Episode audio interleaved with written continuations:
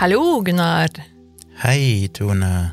Og hei og velkommen til deg som hører på til en helt ny episode av Virkelig grusomt. Endelig er vi tilbake fra ferie, og det er mange som har savna oss nå, altså. Vi har fått så mye meldinger fra folk som er fortvila for at vi tar sommerferie, og det er jo bare et kompliment, må jeg nesten si. Ja, Vi skulle jo egentlig ha ferie i juli. ja, det hadde vi jo. Så vi hadde jo podkastferie i juli, men ikke så mye Altså, vi hadde jo ferie, men vi har jo bare vært hjemme. Ja, Så det var bare en sånn mental podkastferie, så vi slapp å stresse med å spille inn, for det er jo en del arbeid med det. absolutt. Men den faktiske ferien begynner jo egentlig denne måneden. Det er jo denne måneden i august vi egentlig reiser litt og sånn, så vi må spille inn litt episoder i forkant og legge de klar til autopublisering. Ja, egentlig så var det jo litt dårlig, sånn sett, dårlig beregnet av Ja, oss, for det hadde jo egentlig vært august som hadde, vi hadde trengt den ferien mest, Mm. sånn sett. Men eh, vi får bare finne en løsning på det, og så ordner det seg nok. Jeg prøver jo å, ifra i dag å slippe episoder egentlig igjen, selv om jeg er litt vekkreist. Det er planen. Og så må vi bare takke for alle meldinger og, og tips som er kommet inn i løpet av uh, sommeren, altså. Det er, eh, det er veldig hyggelig å få, å få høre at vi er savnet. Det må jeg si. Det, er, det må jo bare ta det som et kjempekompliment, at folk savner podkasten vår mens vi har ferie. Så det Ja, er det veldig er jo- hyggelig. Rent inn med tips, så vi har jo rikelig å ta av. Ja, det er bra.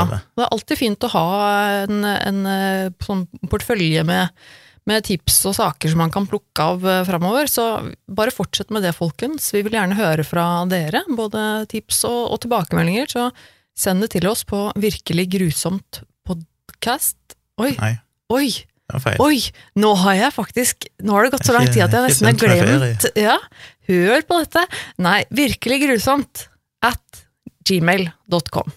Eh, der, der satt den. Nå er det tilbake. Der. Så fortsett med det, folkens. Og følg oss gjerne på Facebook. Vi har en Facebook-side. Den heter Virkelig grusomt podcast. Ja. Der, nemlig. Eh, følg oss der, for der legger vi ut eh, litt eh, lenker og sånn. Til dere som har lyst til å sjekke ut litt sånn ekstra rundt de sakene vi snakker om, og kanskje på en måte se denne videoen vi snakker om, eller høre til lydklippet vi snakker om, eller ja, hva det skal være for noe. Sjekk ut det på Facebook. Og så i tillegg så skal jeg bare slenge inn det at både Gunnar og jeg, vi fins i sosiale medier, vi. Gunnar heter CIVIX. Civix eh, de aller fleste steder. Selv heter jeg Tone Sabro på internettet, eh, og, og i virkeligheten. Så eh, fortsett å gi oss tilbakemeldinger og tips, folkens. Vi setter stor pris på det. Nå, Gunnar, jeg er veldig spent, jeg nå, for nå har du tatt et av tipsene som er kommet inn i sommer. Ja, men vi er ikke der ennå. Jeg tenkte jeg skulle si at uh, jeg har en podkast som heter Tomprat, oh. med Gunnar Kjomli. Den finner dere òg alle plasser podkast fins. Ja, altså sant. Tomprat.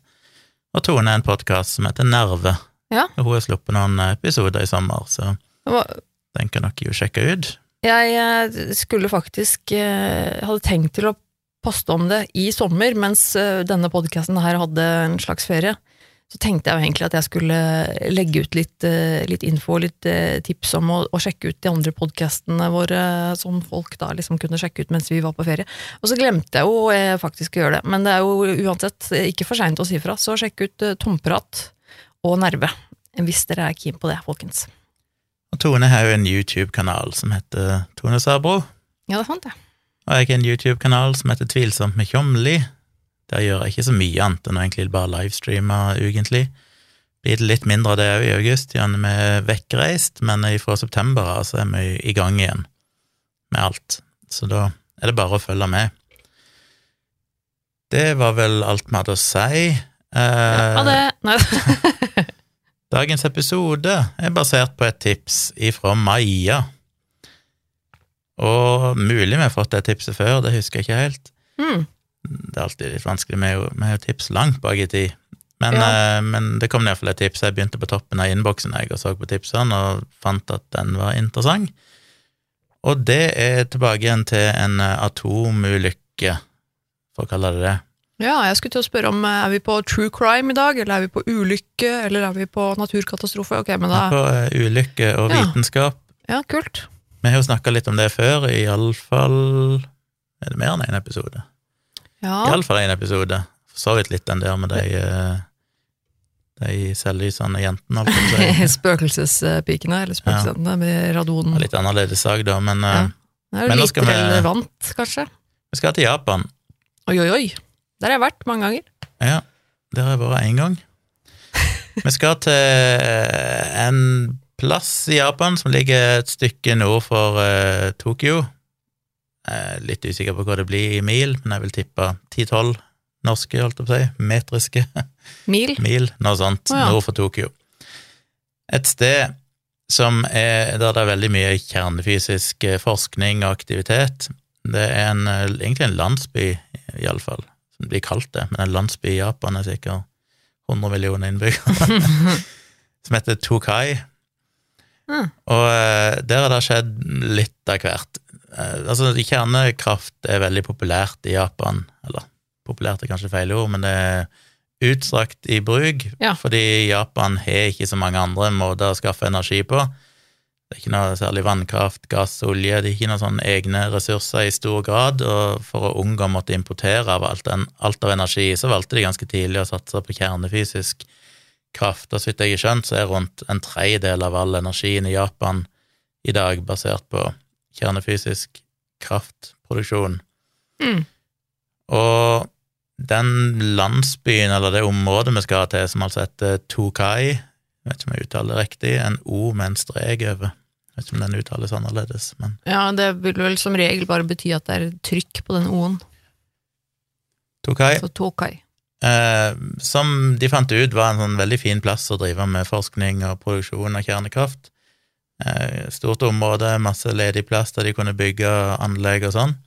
Så de bygde flere eksperimentelle kjernefysiske reaktorer, og en del sånne andre laboratorier sånn, der de driver og utvikler forskjellige ting og tester ting og, og så videre. Så det er rik aktivitet, og i det området så jobber visstnok en tredjedel av hele befolkningen jobber i industri knytta til kjernekraft. Mm. Eh, og denne her plassen har det vært flere ulykker. Før vi skal til den ulykka som denne episoden egentlig handler om, som skjedde i 1999, så skal vi et par år tidligere, til 1997. Da var det en liten ulykke der 11. mars 1997.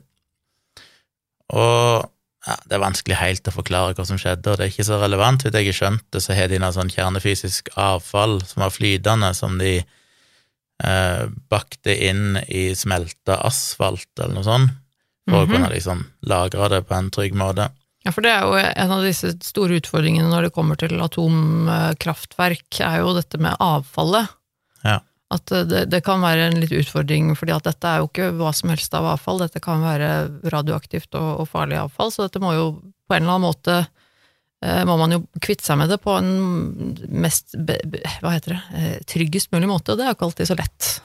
Og Så det har her, vært eh, prøvd mye rart, har jeg skjønt. Her hadde de en teknikk der de, mm, så jeg skjønte, altså bakte det inn i asfalt på et eller annet vis, men så skulle de Ja. teste ut en metode og gjøre det litt mer effektivt på det, litt billigere sikkert, så de skulle prøve en ny blanding som inneholdt 20 mindre asfalt enn normalt. Mhm. Det førte til Funka ikke så bra, så vidt jeg har skjønt. Eh, Det førte til at eh, det ble en ekstrem oppvarming, og etter hvert så endte det opp med iallfall en, en strålingshendelse som Ja, det, satt, det begynte å brenne i de sånne asfaltklumpene eller sånn, og førte til lekkasje av stråling og så videre. Oi da. Men du vet Så- ikke hva de gjorde med den asfalten? Nei. Nei, ok, ja. For det er ikke sånn at de Plutselig så for meg at de, på lag, at de lagde vei av det, men det, ja, det skjønner jeg, det er jo ikke Ja, ok. Jeg vet ikke hva de gjorde, om de gravde det ned, eller Ja, hva de gjorde etterpå, Mm. men uh, det var i hvert fall en, virka som en, en trygg måte å, å lagre det på. Hvis de gjorde dette planen, da. Men denne her nye metoden funka litt dårlig, så det førte til en, en liten ulykke. Ikke veldig alvorlig. Uh, 37 personer i nærheten ble bestrålt med ganske små mengder radioaktivitet.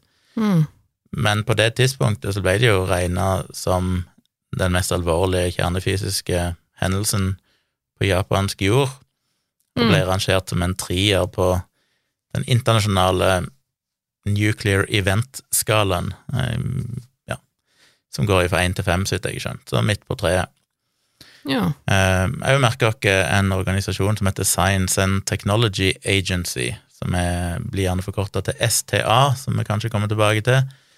Det er en, eh, en grein av myndighetene i Japan da, som, som jobber med vitenskap og teknologi.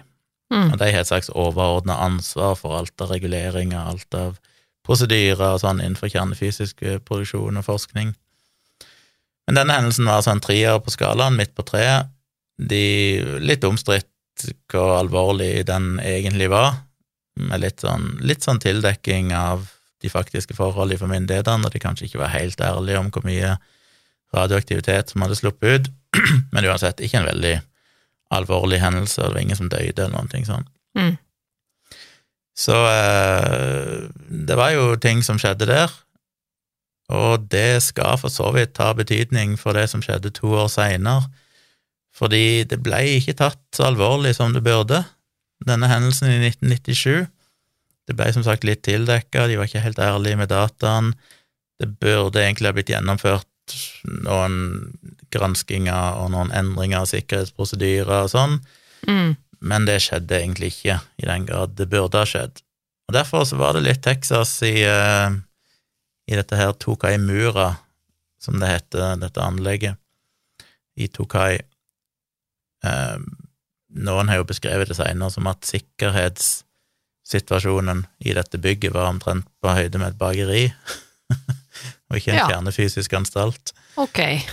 Så det var litt sånn, var noen hus der og bygninger, men uten noen sånn veldig strenge sikkerhetsrutiner eller systemer. Lite teknologi for egentlig å sørge for at dette her skjedde sikkert. Og en oppdaga jo at de i ganske lang tid på dette anlegget hadde tatt en del snarveier.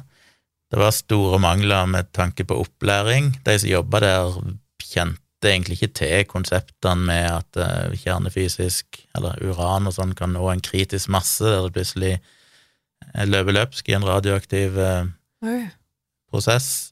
Eh, jøss. de hadde egentlig ingen skikkelig opplæring. I tillegg så hadde denne her institusjonen, eller dette laboratoriet, eller hva du skal kalle det, hadde en, eh, en del sånn egne rutiner egne manualer, bruksanvisninger for hvordan ting skulle gjøres, som de hadde utarbeidet sjøl, men som da ikke var godkjent av STA, altså den her Science and Technology Hva var det? Science and Technology uh, uh, uh, Jeg har allerede mista den. Jeg husker ikke. Nei, STA, Science and Technology Agency, Ja. Mm. som ikke de hadde godkjent. Så det var litt sånn litt tvilsomme greier som foregikk der. Dette var altså i 1999, så det jo en stund siden. Men det som eh, da endte opp med å skje, og da skal jeg, tror jeg, gå tilbake igjen til en, en annen liten artikkel her, for vi skal snakke primært om en fyr som heter Hisashi Ouchi. Ouchi. Han ble født i 1965, begynte å jobbe ved dette her eh, Tokaimura Nuclear Power Plant, og eh, hadde jobba der ei lita stund. Eh, ja, det var jo denne hendelsen i 1997. Eh, nå sitter jeg og roter her. Det er, litt, det er litt komplisert, jeg er litt usikker på hvor langt inn jeg skal gå i akkurat hva Ja. de dreiv med der. Men dette var ikke en, en kjernefyt, altså de produserte ikke energi i det laboratoriet han jobba, eller den anstalten, eller den eh, bygningen han jobba. Det de gjorde, var at de produserte eh, brennstoff til andre kjernefysiske anlegg. Oh, Og det er en litt sånn komplisert eh, prosedyre, der de blander Skal vi se om jeg finner den beskrivelsen, om den går an å forklare på en måte som er forståelig. Det sto vel en ganske grei gjennomgang, hvis jeg bare finner igjen den artikkelen. Ja, for greiene her Jeg er den artikkelen ganske her nå. Komplisert, det, altså. Der. De tar altså eh, små doser av Nå er jeg litt usikker på de norske begrepene, men uranium oxide, altså uranoksid, regner jeg med, pulver, Mm. som de putter i en tank, og der blander de eh, nitric acid, som er salpetersyre, oppi Mm. der. Ja, mm. Dette blir da blanda sammen, og så blir det overført til en annen tank, og der skal det ligge og kose seg en stund. -hmm. Og så blir det blanda i ammoniakk etter hvert for å gjøre at det her blir et hardt Det ender opp med noen sånn krystallaktige klumper som de kan bruke til å lage sånne brenselstaver til kjernefysiske anlegg. Ah, ja, okay. I utgangspunktet skal dette skje ved hjelp av en maskin, eller maskin og maskin, men iallfall et anlegg der du på en måte putter disse ingrediensene oppi én tank, og så blir det fôra gjennom noen røyr og blanda sammen i en beholder. Og hvis dere hørte den episoden Ja, vi har hatt to episoder iallfall. En annen episode òg, vet du, der de drev og blanda noen sånne greier, og så tømte de oppi for mye i en tank, vet du om du husker det, så førte det til en at det nådde kritisk masse. Mm. Det er litt det samme her òg, for det handler jo ikke bare om hvor mye du har et stoff, men òg litt av hvordan designet på beholderen er. Ja. Hvis det er en rund tank, så får du på en måte mer konsentrert masse. Men hvis du lager det heller i røyr på en måte, så får du det spredd lenger utover, så det er mindre sjanse. et eller annet sånt. Så det er jo gjort nøye utregninger for hva som var trygt. Mm. Og det maskineriet her skulle jo egentlig sørge for at du aldri overførte mer enn jeg tror det var 2,4 kilo av denne her uranholdige blandingen, ura, uranyltritat er det de skal ende opp med å lage, da, men av denne her eh, eh, hva var det jeg kalte det, uranoksiden blanda med salpetersyre, Mm. at det skulle bare doseres i små batcher som gjorde at det ikke kunne nå kritisk masse. Og da igjen i et sånt spesielt rør som gjorde at fordelingen av stoffet gjorde det mindre eh, farlig. Så dette var jo nøye utarbeida, dette var prosedyrer som var godkjent av STA. Men her på, på dette stedet så hadde de allerede i sju-åtte år, altså allerede for tidlig 90-tallet, så hadde de funnet ut at de kunne jo spare en del penger og tid, ikke minst, med å bare gjøre dette manuelt. Mm, ja. Så heller enn å tilføre disse stoffene i én tank, og så blir det ført gjennom noen røyr og blanda sammen, og så ender det opp i en sånn beholder med en spesiell form, som sørger for at det aldri blir for mye av disse radioaktive stoffene. Mm. Så tok de bare egentlig og tømte det ved hjelp av bøtte rett opp i den siste tanken. Oi. Og som sagt, de var jo ikke opplært til å vite noe om hvor mye du kunne blande sammen før det var problematisk og alt dette her, så, så hele greia er jo ganske shady. Ja, det hørtes sikkert bra ut. Så denne stakkars eh, Denne stakkars Oishi, han jobba ved denne denne mm, Laboratoriet eller fabrikken som drev med dette. Ja.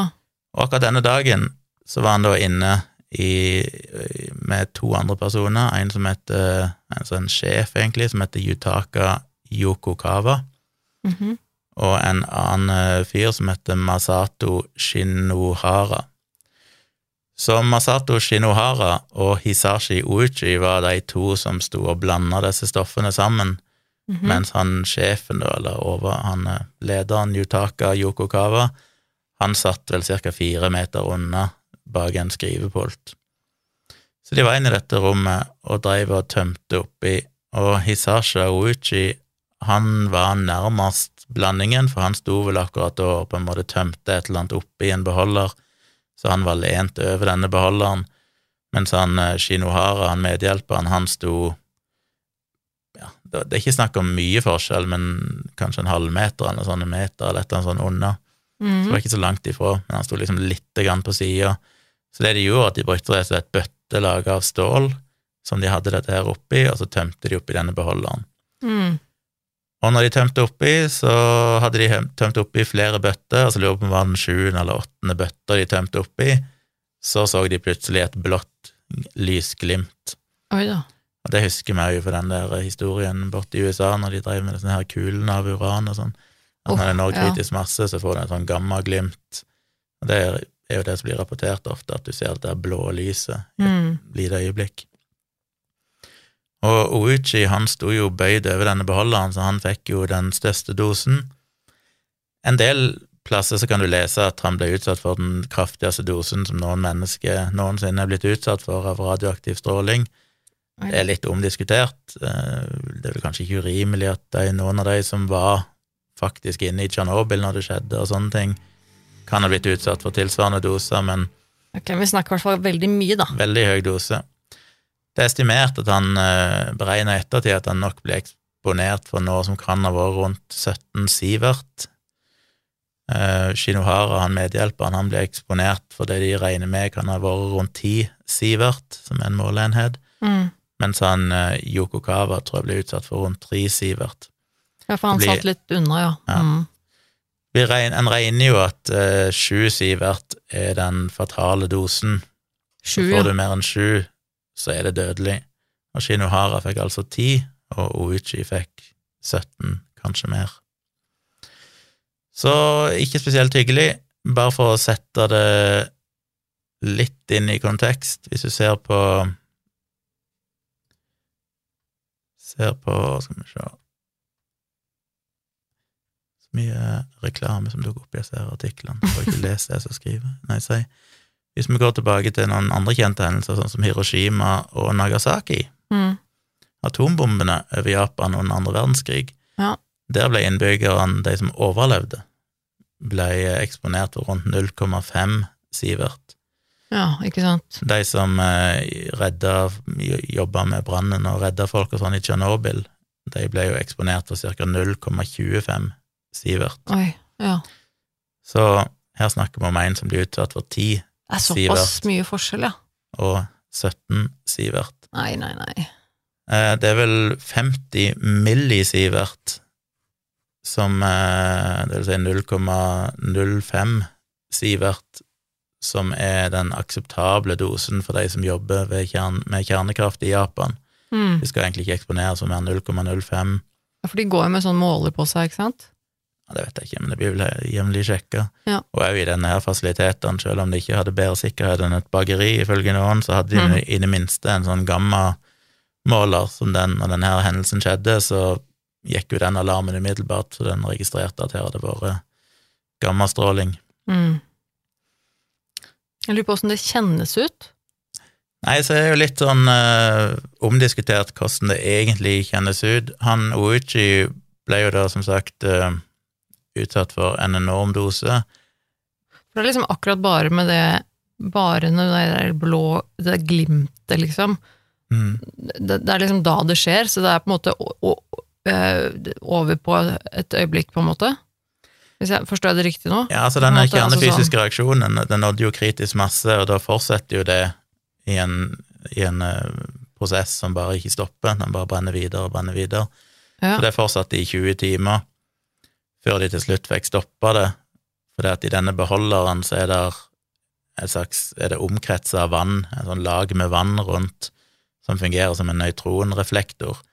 Så disse Ja. nøytronene som blir skutt ut, holdt på si, fra uranet, blir da reflektert tilbake igjen av vannet, og dermed så blir prosessen bare holdt i gang. Det blir Ja. kjøler liksom aldri ned.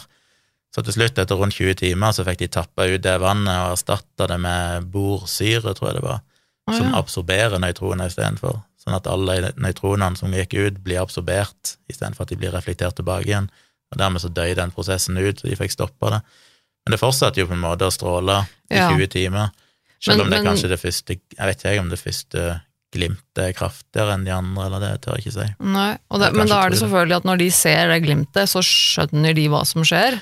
De skjønte ikke Altså- så mye, egentlig, for de var jo ikke opptrent i dette her, så de visste jo ikke at de måtte rapportere det eller noen ting. Men for, altså, vet, vet, jeg kanskje vet ikke om du vet det, men, men det er sånn at de ser det glimtet, og så, og så på en måte Oi, shit, nå reagerer de liksom og hopper tilbake og bare oi, oi, unna vei, eller, eller er det bare sånn oi, nei, vet du hva det var, sånn- altså bare fortsetter å jobbe, Det er litt delte forklaringer, for det noen plasser står det én ting, andre plasser står det en annen oh, ja. ting. Jeg tror den mest okay. definitive er en eller annen bok som ble skrevet om denne hendelsen. Der er de litt mer Der beskriver de det egentlig som at det var jo andre arbeidere sånn rundt forbi som oppdaga at noe hadde skjedd. De tre personene som var inne i det rommet som ble eksponert, de kom seg jo ut derifra, så vidt jeg har skjønt. Ja, Uchi og han andre tror jeg kjente seg ganske dårlig umiddelbart. ja, det vil jeg tro. Men du dør jo faktisk ikke umiddelbart. Nei, ikke på noe slags vis. De ser jo De kunne egentlig ikke se noe spesielt på de heller, at de hadde blitt utsatt for dette. Mm. Men andre der skjønte jo at dette var alvorlig, så de tilkalte jo redningsmannskaper, de ble kjørt til sykehuset. Mm. Eh, noen plasser så står det jo at eh, allerede når han kom til sykehuset, så kasta han opp og var bevisstløs og alt mulig sånn. Uff. Andre plasser så står det at det nok ikke stemmer. At når han kom til sykehuset, så var han litt oppsvulma i ansiktet, og så var han vel litt rød på ei hånd, og så klagde Ja. han på at han hadde litt vondt i ørene og i den ene hånda. Ok. Men ellers så var han visstnok i godt humør og egentlig ikke merka noe spesielt til dette. Mm. Så de, de tre pasientene ble jo lagt inn på sykehuset, eh, men det gikk jo De hadde jo et ulikt forløp fordi de var utsatt for ulike mengder med stråling. Verst var det jo for Hisashi Hoichi, som hadde blitt utsatt for 17 sivert. Mm. han oppdager jo veldig fort at altså det som skjer når du blir utsatt for denne gammastrålinga, er jo at all, Det er jo egentlig som å bli beskutt av et maskingevær med bitte, bitte, bitte små kuler i milliarder av de, Mm. som bare pløyer gjennom kroppen din og basically gruser cellene dine, Ja. og ikke minst knuse eller fragmentere DNA-et i cellene dine, sånn at når cellene skal deles, så er jo den oppskriften på hvordan de skal produsere nye celler, sånn, er jo Ødelagt. og ender Mm. opp med kreftceller fordi at de blir Korrupte, på en måte, eller sånn, ja. de- Så du utvikler jo sannsynligvis da kreft ganske fort, fordi at de Ja. cellene ender opp med å bare mutere, eh, og mange av cellene blir jo bare ødelagt, og de kan ikke produsere nye celler. Og Det er jo det som ofte skjer. Det første som skjer når du blir utsatt for den strålingen, er at de hvite blodlegemene, og gjerne også de røde blodlegemene, som er celler som deler seg veldig fort og blir produsert kontinuerlig i kroppen, Mm. det er jo de du merker det mest på, for sånne celler som eksisterer lenge. De har det ikke så mye konsekvenser for, med mindre de blir liksom fysisk ødelagt. Mm. For de deler seg jo uansett ikke, sånn som eh, nerveceller og sånn, som kan eksistere i evigheter. Mm. Men det er jo de cellene som deler seg fort, og det er jo gjerne hudceller, Mm. og det er blodceller. Mm. Så når de hele tid skal hele tiden produsere nye, og røde blodlegemer blir jo produsert i ryggmargen, og DNA, eller oppskriften på hvordan du lager disse cellene, har blitt knust av stråling, så klarer de ikke å lage nye. Mm. Så det de merka på han umiddelbart, var at han basically hadde null hvite blodlegemer, og hvite blodlegemer er jo immunforsvaret ditt, en del av immunforsvaret. Mm. Så det betyr jo at når du mister de hvite blodlegemene, så er du jo ekstremt utsatt for infeksjoner og sånn. Så han ble jo lagt på et isolat på sykehuset, og det er litt som å igjen gå tilbake til den Tsjernobyl-serien, da, der det ble det de la opp til at menneskene var radioaktive. At det var Ja, derfor så de lå i serien på. HBO Ja. som heter Tsjernobyl, ja. Men eh, det er jo ikke sant, de er jo ikke radioaktive for andre. Nei, de kanskje det, det er ikke smittsomt. Nei. Det er ikke farlig å ta på de og sånne Mm. ting. Det er ikke sånn at de stråler stråling. Men uh, de har jo ikke noe immunforsvar, og derfor må de gjerne ligge da i, i lukka avdelinger, for at enhver bakterie, enhver ethvert patogen som finnes på det sykehuset, kan jo da drepe dem. Så i utgangspunktet så ble han lagt inn og så ganske normal ut, men ganske kort tid etterpå, ja, tre dager seinere, ble han jo overført til universitetssykehuset i Tokyo. Mm. For det de fant ut allerede etter én dag, var at han ikke hadde noen blodceller. sånn, Han klarte heller egentlig ikke produsere noen nye røde blodlegemer, fordi ryggmargen var fucka. Å, gud, altså. Så det de ville gjøre, prøve, det var en sånn ny Istedenfor De kunne gjennomført en, en ryggmargstransplantasjon, men det er jo en ganske omfattende prosedyre, og de visste ikke helt om det ville virke, det ville kanskje ta for lang tid, jeg er litt usikker. Mm. Men det de ville prøve, var en ny sånn stamcelleteknologi. Så de fikk stamceller eller et eller annet sånn ifra søstera hans som donerte noe, Ja. og prøvde da å Jeg vet ikke helt hvordan de gjorde det, men de brukte iallfall en ny metode, en eksperimentell metode. Og det funka kortvarig, det så ut til at han begynte å produsere litt hvite blodlegemer, Oi. men så var det vel, og det er jeg litt usikker på, men jeg, men jeg skjønte det som at han hadde litt radioaktivitet som sirkulerte i blodet, og det var nok til å ødelegge de nye på blodlegemene som ble laga. I tillegg til at, så vidt jeg skjønte, så fordi DNA var såpass ødelagt, så, så vet jeg ikke om helt de nye blodlegemene ble produsert sånn som de skulle og sånne ting. Ja. Uansett, det funka veldig kortvarig, men ikke egentlig lenge før egentlig blod, disse hvite blodlegemene var vekk igjen. Mm. Og så er det jo huden, da. Igjen, når, det, når DNA blir ødelagt, så er det jo de hudcellene som replikerer fortest, som blir påvirka. Eh, det er jo et sånn godt argument for hvorfor mobilstråling neppe er farlig, fordi det gir jo ikke noe mening når folk som er redde for mobilstråling, sier at de ser en stor risiko for liksom økning i hjernekreft og sånn, selv om det er ingen evidens for at det har skjedd. Mm. Men hvis du holder mobiltelefonen til hodet ditt, så ville du først ha sett det i hudkreft, hvis mm. du faktisk hadde vært der. Mm. Eh, Nå er jo ikke mobilstråling ioniserende, altså det er ikke nok energi i den mobilstrålinga til at du kan ødelegge DNA, så det er teoretisk umulig at det kan føre til kreft. Men de hevder jo at det er andre ting, kan være oppvarming og sånne ting. Men hvis det ble ødelagt, hvis cellene på en eller annen måte ble ødelagt, så ville du først ha sett det på øyre og kinn i så fall. Mm, ja, For hudceller huden deler seg veldig fort. mm, så, For vi fornyer jo huden vår på en måte Ja. hele tiden. Og du mister jo huden din kontinuerlig, ikke sant. Mm. Stor del av støvet i huset ditt og sånn er jo døde hudceller. Mm. Eh, Så derfor er det jo blodlegemer, men òg huden. Så når han kom inn på sykehuset, så så han jo relativt normal ut, Men det gikk jo ikke lang tid, det var bare noen dager, så oppdaga en jo det at etter hvert som han mista hud, som du normalt ikke ser fordi du bare gror nye celler hele tida, Ja. så grodde det jo ikke nye celler. Nettopp. Så han mista jo egentlig bare huden sin gradvis mens Ja. han lå der. Å, fy. Og det er jo ett bilde som var litt vanskelig å finne, for det er stort sett sensurert overalt. eh, Ja. Men i en artikkel jeg skal lenke til, så er det et bilde av han. Og det er jo som å se en sånn zombiefilm. Altså, når du ser en sånn person Det er liksom Stranger Things, han der Vekna. Altså der du ja. ikke er noe hud, det er liksom bare, bare at han er rød. Da. Du ser på en måte bare rett inn på kroppen hans, som om du hadde strippa hele huden av en kropp. Ja. Så ligger du bare der med kjøttet ditt. Han ser jo helt flådd ut, liksom. Det er altså Veldig så tynn. grusomt. Ja. Fordi at han har jo mista all huden som, og ikke kunne innta mat og sånn. Så ligger han jo med både armer og bein eh, på en måte Ut bundet kroppen. sånn at de henger Ja. på en måte opp i tau. Ja. Du kan vel ikke la dem, For å få de til å gro og sånn, så kan du ikke de ligge nede på lagene eller et eller annet sånt. Og så ser han så tynn ut, og du ser liksom bare kjøtt. Det er ikke noe menneske der, det er bare kjøtt, Mm. på en måte. Som noen har bare ribba han. Mm. Og det er altså så brutalt. Jeg har sett bilder av, av mennesker som, som har lidd og dødd under sånn akutt radiation poisoning, holdt jeg på å si, hva det heter. Eh, radio... Radioaktiv stråling, eller Ra, ra, hva det heter Radiation sickness, hva er det vi kaller det på norsk? Eh, strålesyke. ja. Eh, og, og det er altså så brutalt. Det, det, eh, det er eh, det må- være en så forferdelig måte å dø på. Det må være helt for jævlig å oppleve. Det er liksom bare at, at liksom kroppen din bare går i oppløsning, nærmest. Altså, det er helt det, det er nesten så jeg syns det er litt sånn creepy, fordi at du kan på en måte ikke se hva som er skjedd med deg. Altså Hvis du får et skuddsår da, fra en kule og en pistol, så kan du på en måte se at det blir et hull der, du kan se at det blir en skade. Det er på en måte ganske sånn konkret og fysisk synlig hva som har skjedd med kroppen. Men med de radioaktive altså Sånn som du beskrev den strålingen i stad, med at det er liksom mange, altså mange tusen milliarder sånne bitte, bitte små eh, kulehull, på en måte, som bare piercer gjennom hele kroppen din og ødelegger cellene. Altså det, sånn, det er så smått, og så du, du kan ikke se det. Det bare er sånn Det bare skjer uten at du kan se det, og så bare og så blir bare kroppen din ødelagt og faller fra hverandre. Det er sånn creepy, altså. Ja, det er er så skummelt, at du, de umiddelbare skadene er ganske sånn usynlige. Altså Ja. bare gradvis og bare faller de fra hverandre fordi at du er ødelagt innenfra. Ja.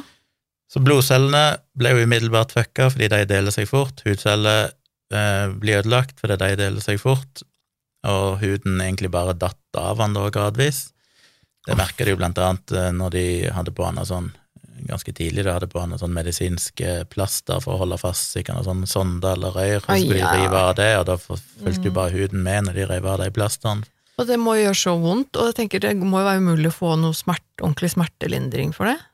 Altså, det er jo enorme smerter. De prøvde seg jo da i lang tid med hudtransplantasjoner og alt mulig rart. De prøvde seg med forskjellige typer kreftbehandlinger, for han utvikler jo kreft overalt. Mm. Eh, denne stamcelleterapien, alt mulig. Men ingenting virker jo egentlig. Nei, det virker jo ikke, for da er det på en måte for, for at noe av dette skal virke, så er det på en måte avhengig av at kroppen klarer å, å lege seg selv på et vis, og ta, ta til hjelp det, det nye hudstykker, hudstykket, for eksempel, for at det skal på en måte funke og sette det på plass, så må det jo gro. Mm. Kroppen må jo på en måte klare å produsere disse og, og, eh, Så det er jo det på en måte som er hele problemet, at du er bare hele Hvordan kroppen din fungerer, er på en måte ødelagt. Det er jo helt uh, Uff. Ja. Ja, så han hadde det ikke noe greit, for å si det mildt. Nei, det tror jeg Han på. eh, klarte jo etter hvert ikke å spise, selvfølgelig. Ganske tidlig, regner jeg med, så han fikk jo bare intravenøs eh, næring. Etter hvert så utvikla han jo pusteproblemer. Og han hadde det jo ille. Problemet Mm. var jo det at familien hans var veldig opptatt av at han skulle overleve. Oh. Så de ville at han, eh, de skulle gjøre alt de kunne for å holde han i live, selv om han skreik og sa at 'jeg klarer det ikke noe Nei, mer'. det Jeg er noen, jeg er ikke noe prøv, hva heter det, guinea pig, jeg er ikke noe laboratorierotte, eller Nei, det der er bare så For han følte jo at han bare ble brukt som et medisinsk eksperiment. Da må det- folk skjerpe seg, altså. Og det gjorde han jo for så vidt, fordi at altså i vitenskapens verden så har en jo vært veldig nysgjerrig på nettopp hvordan radioaktiv stråling påvirker mennesker. Men det finnes jo ingen etisk måte å teste det ut på, du kan ikke utsette folk for stråling for å se hva som skjer. Nei. Så når en sånn hendelse som dette skjer, da kaster jo et internasjonalt miljø seg over det og tenker ok, her har vi en gyllen anledning til å finne ut hva som egentlig skjer. Og det er jo bra, for det, det vil jo kunne beskytte dere i framtida og lære mer av det. Eh, Men de japanske, og nå er det litt sånn Jeg er ikke helt sikker på hva som er sant eller fasiten her. Det står jo i mange artikler at grunnen til at de fortsatte å behandle han og sånn, var fordi familien eksplisitt var veldig tydelig på at de ville han skulle overleve. Mm. Samtidig er det vel noen som antyder at han til en viss grad kanskje ble brukt litt som forskningsprosjekt òg. Mm. Men om det var direkte galt, vet jeg ikke, så lenge familien hans var de som hadde det overordnede ansvaret og sa at hold han i live, så er det jo så vidt bare bra at de har da muligheten til å Hvis de uansett skal holde han i live, eller har fått beskjed om det, så er det jo bra at de får muligheten til å teste ut eksperimentelle behandlinger sånn, og gjøre det de kan, selv om det Ja, ja, hans i, in the name of science, selvfølgelig, på en måte, men, men det er jo likevel helt bestialsk å holde han i live på den måten. Ja, men det var på en måte ikke legene og vitenskapsmennene sin feil. De gjorde jo det de fikk beskjed om av, Mm. av familien. Etter et par måneder, jeg tror det var på dag 59, han ble jo bare gradvis dårligere og dårligere. 59! Ja, Så lenge. han lå lenge på sykehuset. Så fikk han jo hjerteinfarkt, og så eh, klarte de å redde han. Nei. Men i løpet av 49 minutter så hadde han vel tre hjerteinfarkt, og hver gang så klarte de å få hjertet i gang igjen. Men hver gang de gjorde det, så fikk han jo litt oksygenmangel til hjernen, òg, så han endte jo opp med at hjernen ble mer og mer ødelagt. Så han hadde jo da totalt ødelagt DNA i kroppen, cellene var ødelagt, i tillegg til at du blir prega av de cellene som deler seg fort, sånn som blodceller, hudceller og sånn, så er det jo òg direkte skader på celler selvfølgelig i kroppen, Mm. sånn at indre organer blir jo rett og slett ødelagt. Mm. Men de fikk han i live igjen, men eh, den siste tida så tror jeg han egentlig bare lå i koma og bare ble holdt mer eller mindre kunstig i live, før han på dag 83, den 21. desember 1999, så fikk han igjen et hjerteinfarkt som de ikke klarte å, å redde han ifra, og hans dødsårsak ble jo regna for å være hjerteinfarkt pluss multi, multi-organ failure, altså at flere Multiorgansvikt, ja. Ja. 83, var det du sa? 83, 83 dager? Så nesten tre måneder dager. ble han jo liggende på sykehuset uten hud, uten mulighet til å I puste nesten, uten mulighet til å spise. Og på ingen måte kunne de jo redde han. Altså, det, Det er godt det han, så, godt han fikk hjerneskade si, og ble liggende i koma på slutten, Ja. for det må ha vært det mest humane. Men, men det er altså så inhumant og, og, og grusomt å tenke på en sånn skjebne, og det, det er jo En ting hadde jo vært hvis det på en måte fantes håp om å redde livet hans.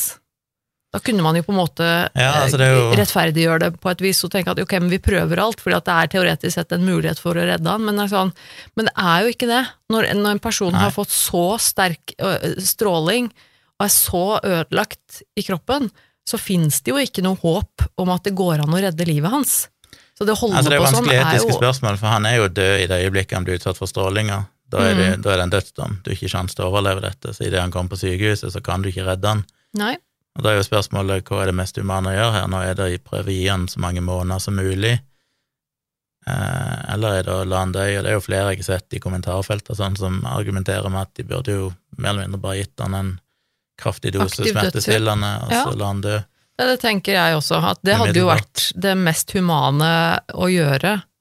Hadde jo vært å bare ø, ø, gjort det. Aktiv dødshjelp, rett og slett. Bare avlive han, holdt jeg på å si, på en human måte, altså, få- og så rett og slett så han slipper det helvete der. Og jeg tenker jo også at det må jo også ha vært mye bedre for familien hans også, å, å slippe å se Altså, jeg tenker jo det må ha vært helt for jævlig for, for familien hans å oppleve sammen med ham det helvetet der, og se hvilket helvete han ble utsatt for før han endelig fikk dø. Jeg vet ikke hvorfor de var så opptatt av at han skulle holde seg i live. Det, det er en veldig sånn Men det er en sånn instinkt Men jeg, jeg, jeg skjønner jo det, jeg skjønner jo at selvfølgelig så ønsker du på en måte å holde din kjære i live, at hvis, hvis en du er glad i blir skadet, så er det selvfølgelig så vil, alt du vil er jo at vedkommende skal leve. Selvfølgelig, det skjønner jeg jo det ligger sikkert i oss, at, at det er At jeg sitter langt inne og, og sier på en måte nei, bare la han slippe.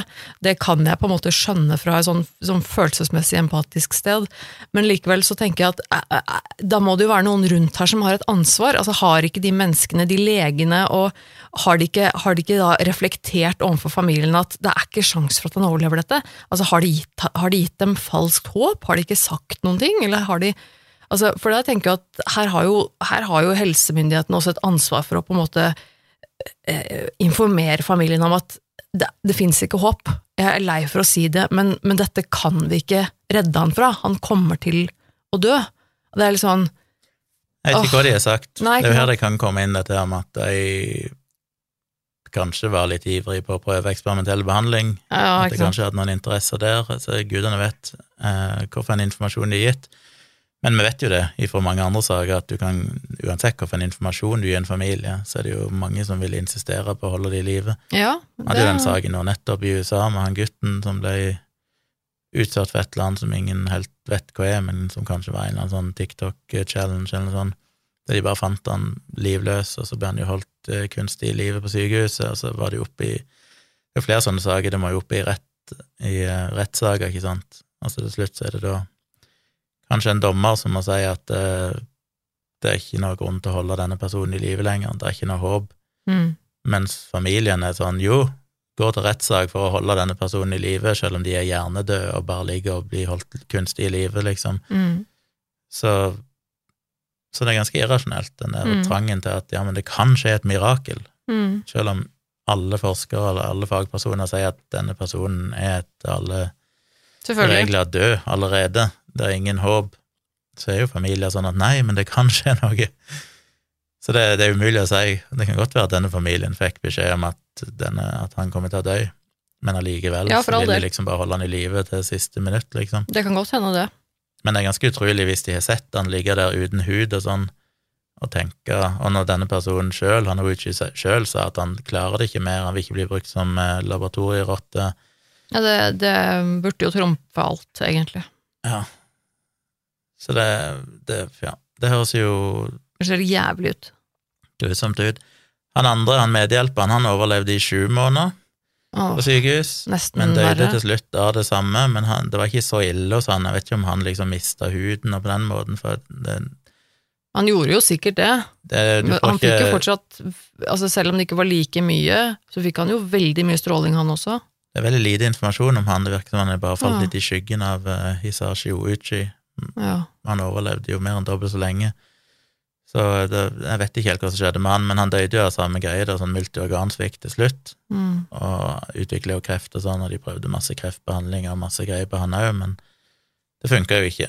Men om det var så ille som det var for Uchi, det var det nok ikke, selv om han til slutt døde. Han tredje, han eh, sjefen, holdt jeg på å si, som ble utsatt for tre, Sivert, Mm. som ikke er regna for å være en dødelig dose, men jo en kraftig dose likevel, han, så vidt jeg vet, gikk det greit med han. Mhm.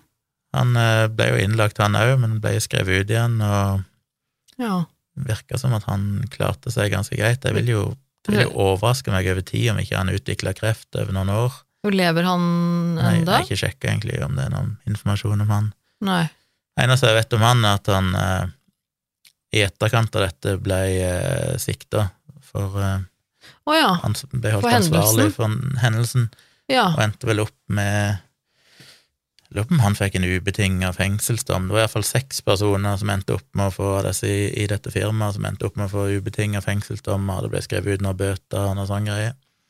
Så det var flere som ble Holdt holdt ansvarlige. Ja, det men- bra, i hvert fall. I tillegg til de tre personene der inne, så var det jo jeg lurer på om det var ni og ja, Hvor mange var det? Det var noen titalls personer i hvert fall i området av redningsarbeidere andre som jobba der og sånn, som ble utsatt for små doser stråling. Men Mm. det var relativt små doser, så det er ikke noe som egentlig ble regna som farlig. Eh, I tillegg så hadde du jo et, en radius på 350 meter ut forbi dette anlegget, ut forbi disse fasilitetene. Alle som bodde i det området, for der var det jo hus og vanlige beboere som bodde, de ble jo evakuert. Eh, og 310 000 mennesker som bodde innenfor en radius på en mil eller noe sånt av dette. Disse fasilitetene måtte jo holde seg innendørs i 24 timer, de fikk ikke lov å gå ut. Mm. Og de fikk streng beskjed om at de ikke måtte høste noen ting av grønnsaker, korn, ingenting i landbruket der. De fikk ikke lov å drikke av vannet, Mm. alt mulig sånt. Alt ble jo stengt ned. Og så visste de ikke helt hva de skulle gjøre, men i løpet av de neste ti dagene så valgte jo myndighetene å teste 10 000 personer som bodde i nærheten da, for stråling. Ja. Så det finnes en del bilder da, der de hinner alle og tester de med geigerteller og sånn. Mange som mente at det var mest symbolsk, det hadde egentlig ikke noen funksjon for seg, men det var litt for å berolige befolkningen. Mm. Eh, og de fant vel kanskje at 600 personer eller sånn hadde blitt utsatt for små mengder med stråling, da.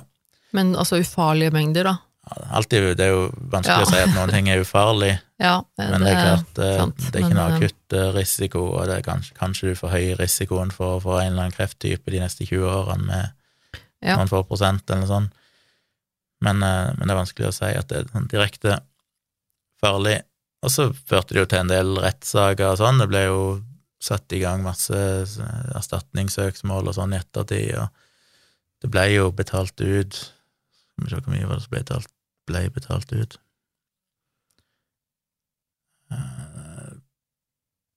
Ja, det var 39 husstander innenfor denne 350 meters radiusen som inkluderte 161 personer som måtte evakuere.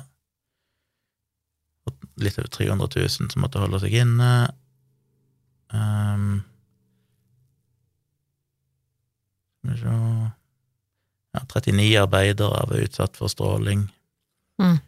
og 667 arbeidere og folk som hadde vært i hjelpemannskapet, og folk som bodde i nærheten, ble utsatt for litt for høye doser av stråling. Ikke sånn direkte stråling, men indirekte, holdt jeg på å si, så fikk, ble de eksponert for litt mer enn det som ellers ville vært naturlig for dem. Men det var jo som sagt veldig små doser. Ja. Eh, De som jobba der, ble utsatt for rundt, ja, på det høyeste 23 millisievert. Og som sagt, det er lov med opptil 50 millisievert når du jobber der. Ja. Og de som bodde i nærheten, hadde kanskje doser opptil 15 millisievert. Mm. Så det er ikke, det er ikke store doser. Uh, Det var flere søksmål, som sagt. Uh, Ja, ikke helt oversikten over det, men det ble betalt ut en del millioner i erstatninger etter hvert da, til folk som var påvirka av dette. Ja. Jeg tror det var 121 millioner dollar sånn som ble betalt ut, fordelt på gudene vet hvor mange mennesker. Men det viktige her er jo at de, dette førte jo til en del forbedringer i Japan, for det, det virka som at i Japan så hadde denne produksjonen av kjernefysisk kraft vært veldig prega av en form for arroganse eh, og litt sånn 'Dette her fikser vi, det er ikke så nøye', liksom. De Mm. bare kjørte på.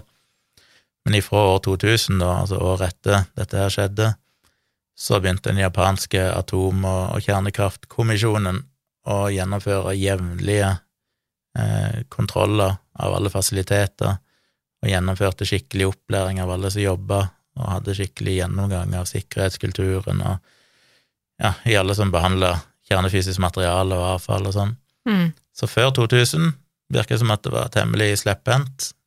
Det var ikke noe skikkelig opplæring, ingen som helt skjønte hva de drev med, veldig sånn Men ifra år 2000 så er det jo blitt veldig mye bedre, da, mye på grunn av denne hendelsen, og det var jo mye fordi at rent sånn politisk så måtte myndighetene gjenvinne tilliten til kjernekraft, siden det var så viktig for, for landet å ha denne energien Mm.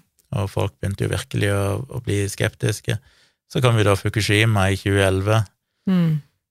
Som òg selvfølgelig førte til en fornya antikjernekraftbevegelse i Japan, og som er litt usikker på om det har ført til at det nå er mindre, for som sagt 30 av energien i Japan den gang var produsert av kjernekraft, det er mulig at det er mindre nå. Men i hvert fall, så det var krevende, selv om den Fukushima selvfølgelig var på mange måter veldig overdrevet. Eh, Det var ingen som døde direkte av stråling der. Det hadde jo konsekvenser for nærområdet, men så kan en alltid diskutere hvor mye det egentlig bare er føre-var-prinsipper, som kanskje ikke egentlig er en reell risiko. Ja. Vet ikke. Men, eh, men det var iallfall en Og det var jo en ekstrem situasjon, da, med Ja, det eh, var det absolutt. jordskjelv og tsunami, og Ja. det var ikke bare en kjernefysisk uhell. Det var jo ikke bare noen Det var ikke noen folk som dreit seg ut, på en måte Nei. sånn sett, og det var ikke en, en ulykke Altså, det var en naturkatastrofe som, som spilte inn eh, der. Så det er klart at det er jo en litt annen situasjon, men, eh, men ja. Så det var egentlig historien om stakkars Hisashi Ouichi, Ai, ai, ai. som eh, egentlig på grunn av manglende opplæring og forståelse for det de drev med, endte opp med å bli utsatt for det som noen mener er den største radioaktive dosen et menneske er blitt utsatt for, oh, og kanskje en av de mest horrible måtene å dø på Ja, det tror jeg, altså. som er mulig.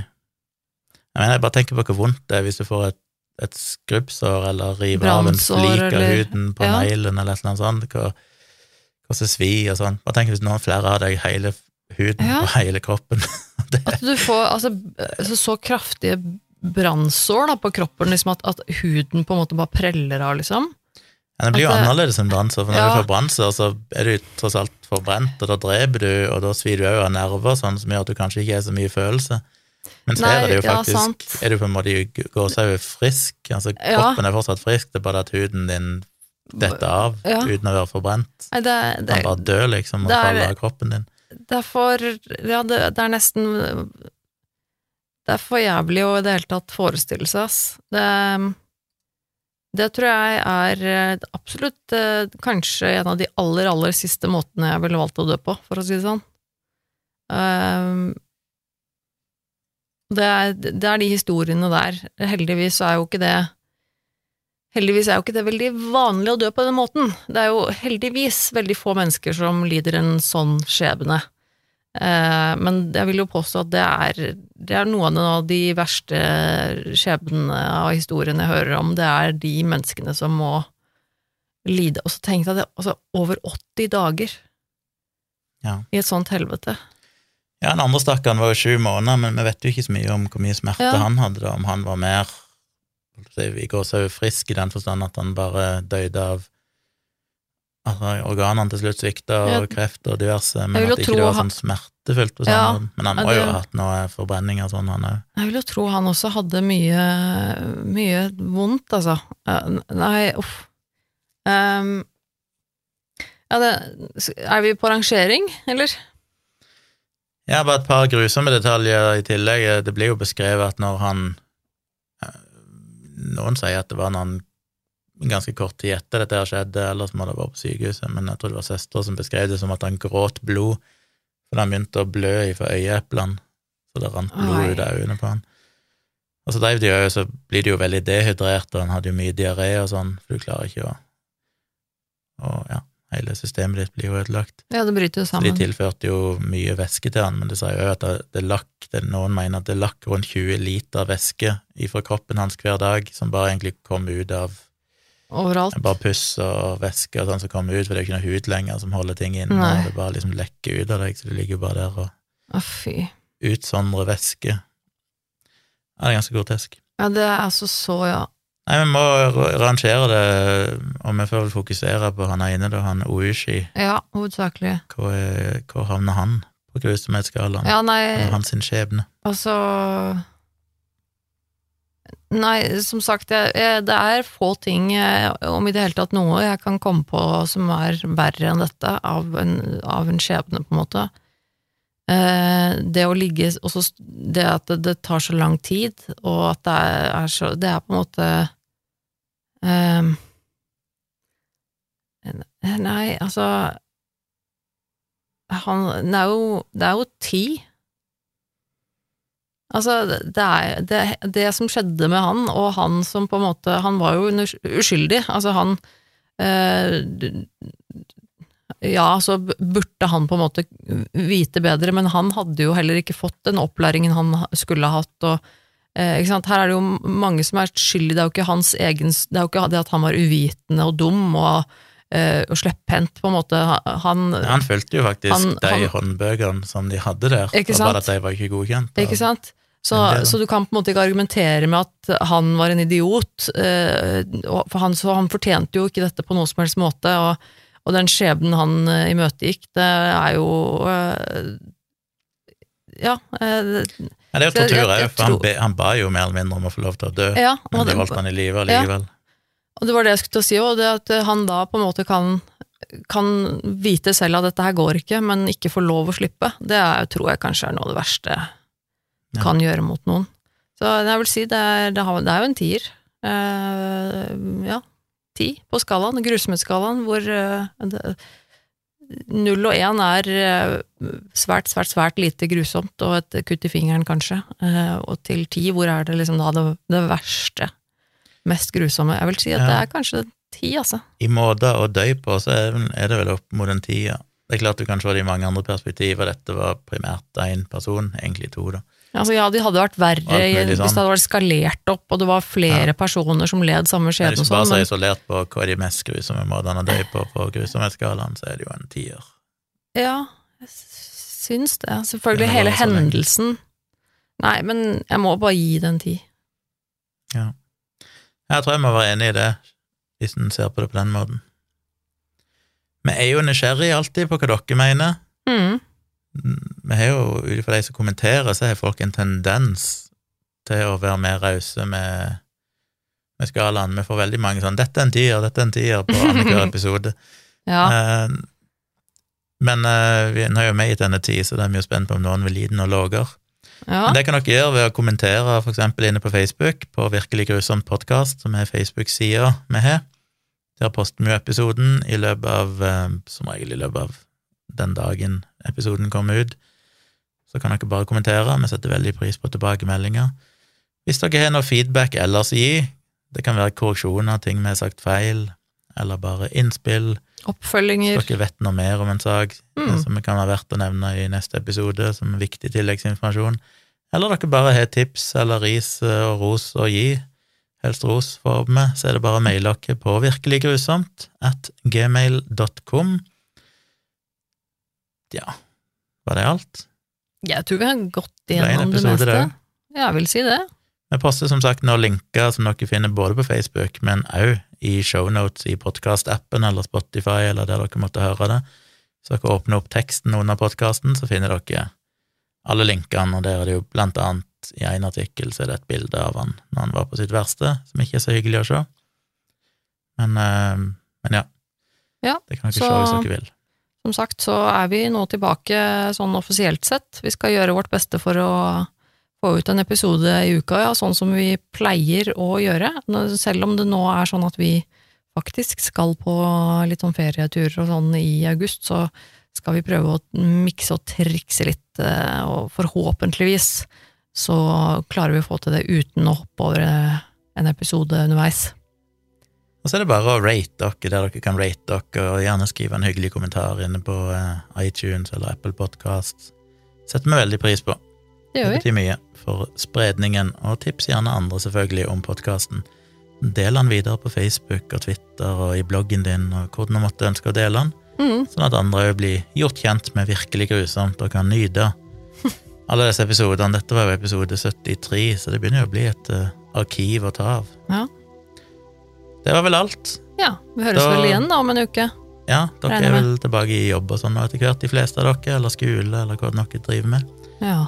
Så man kan ikke lenger si god sommer. Det begynner jo, begynner jo å nærme Vi kan si god sommer. August er også Ja, sommermåned, altså. God, fortsatt god sommer. Ja, Vi høres om en det. uke.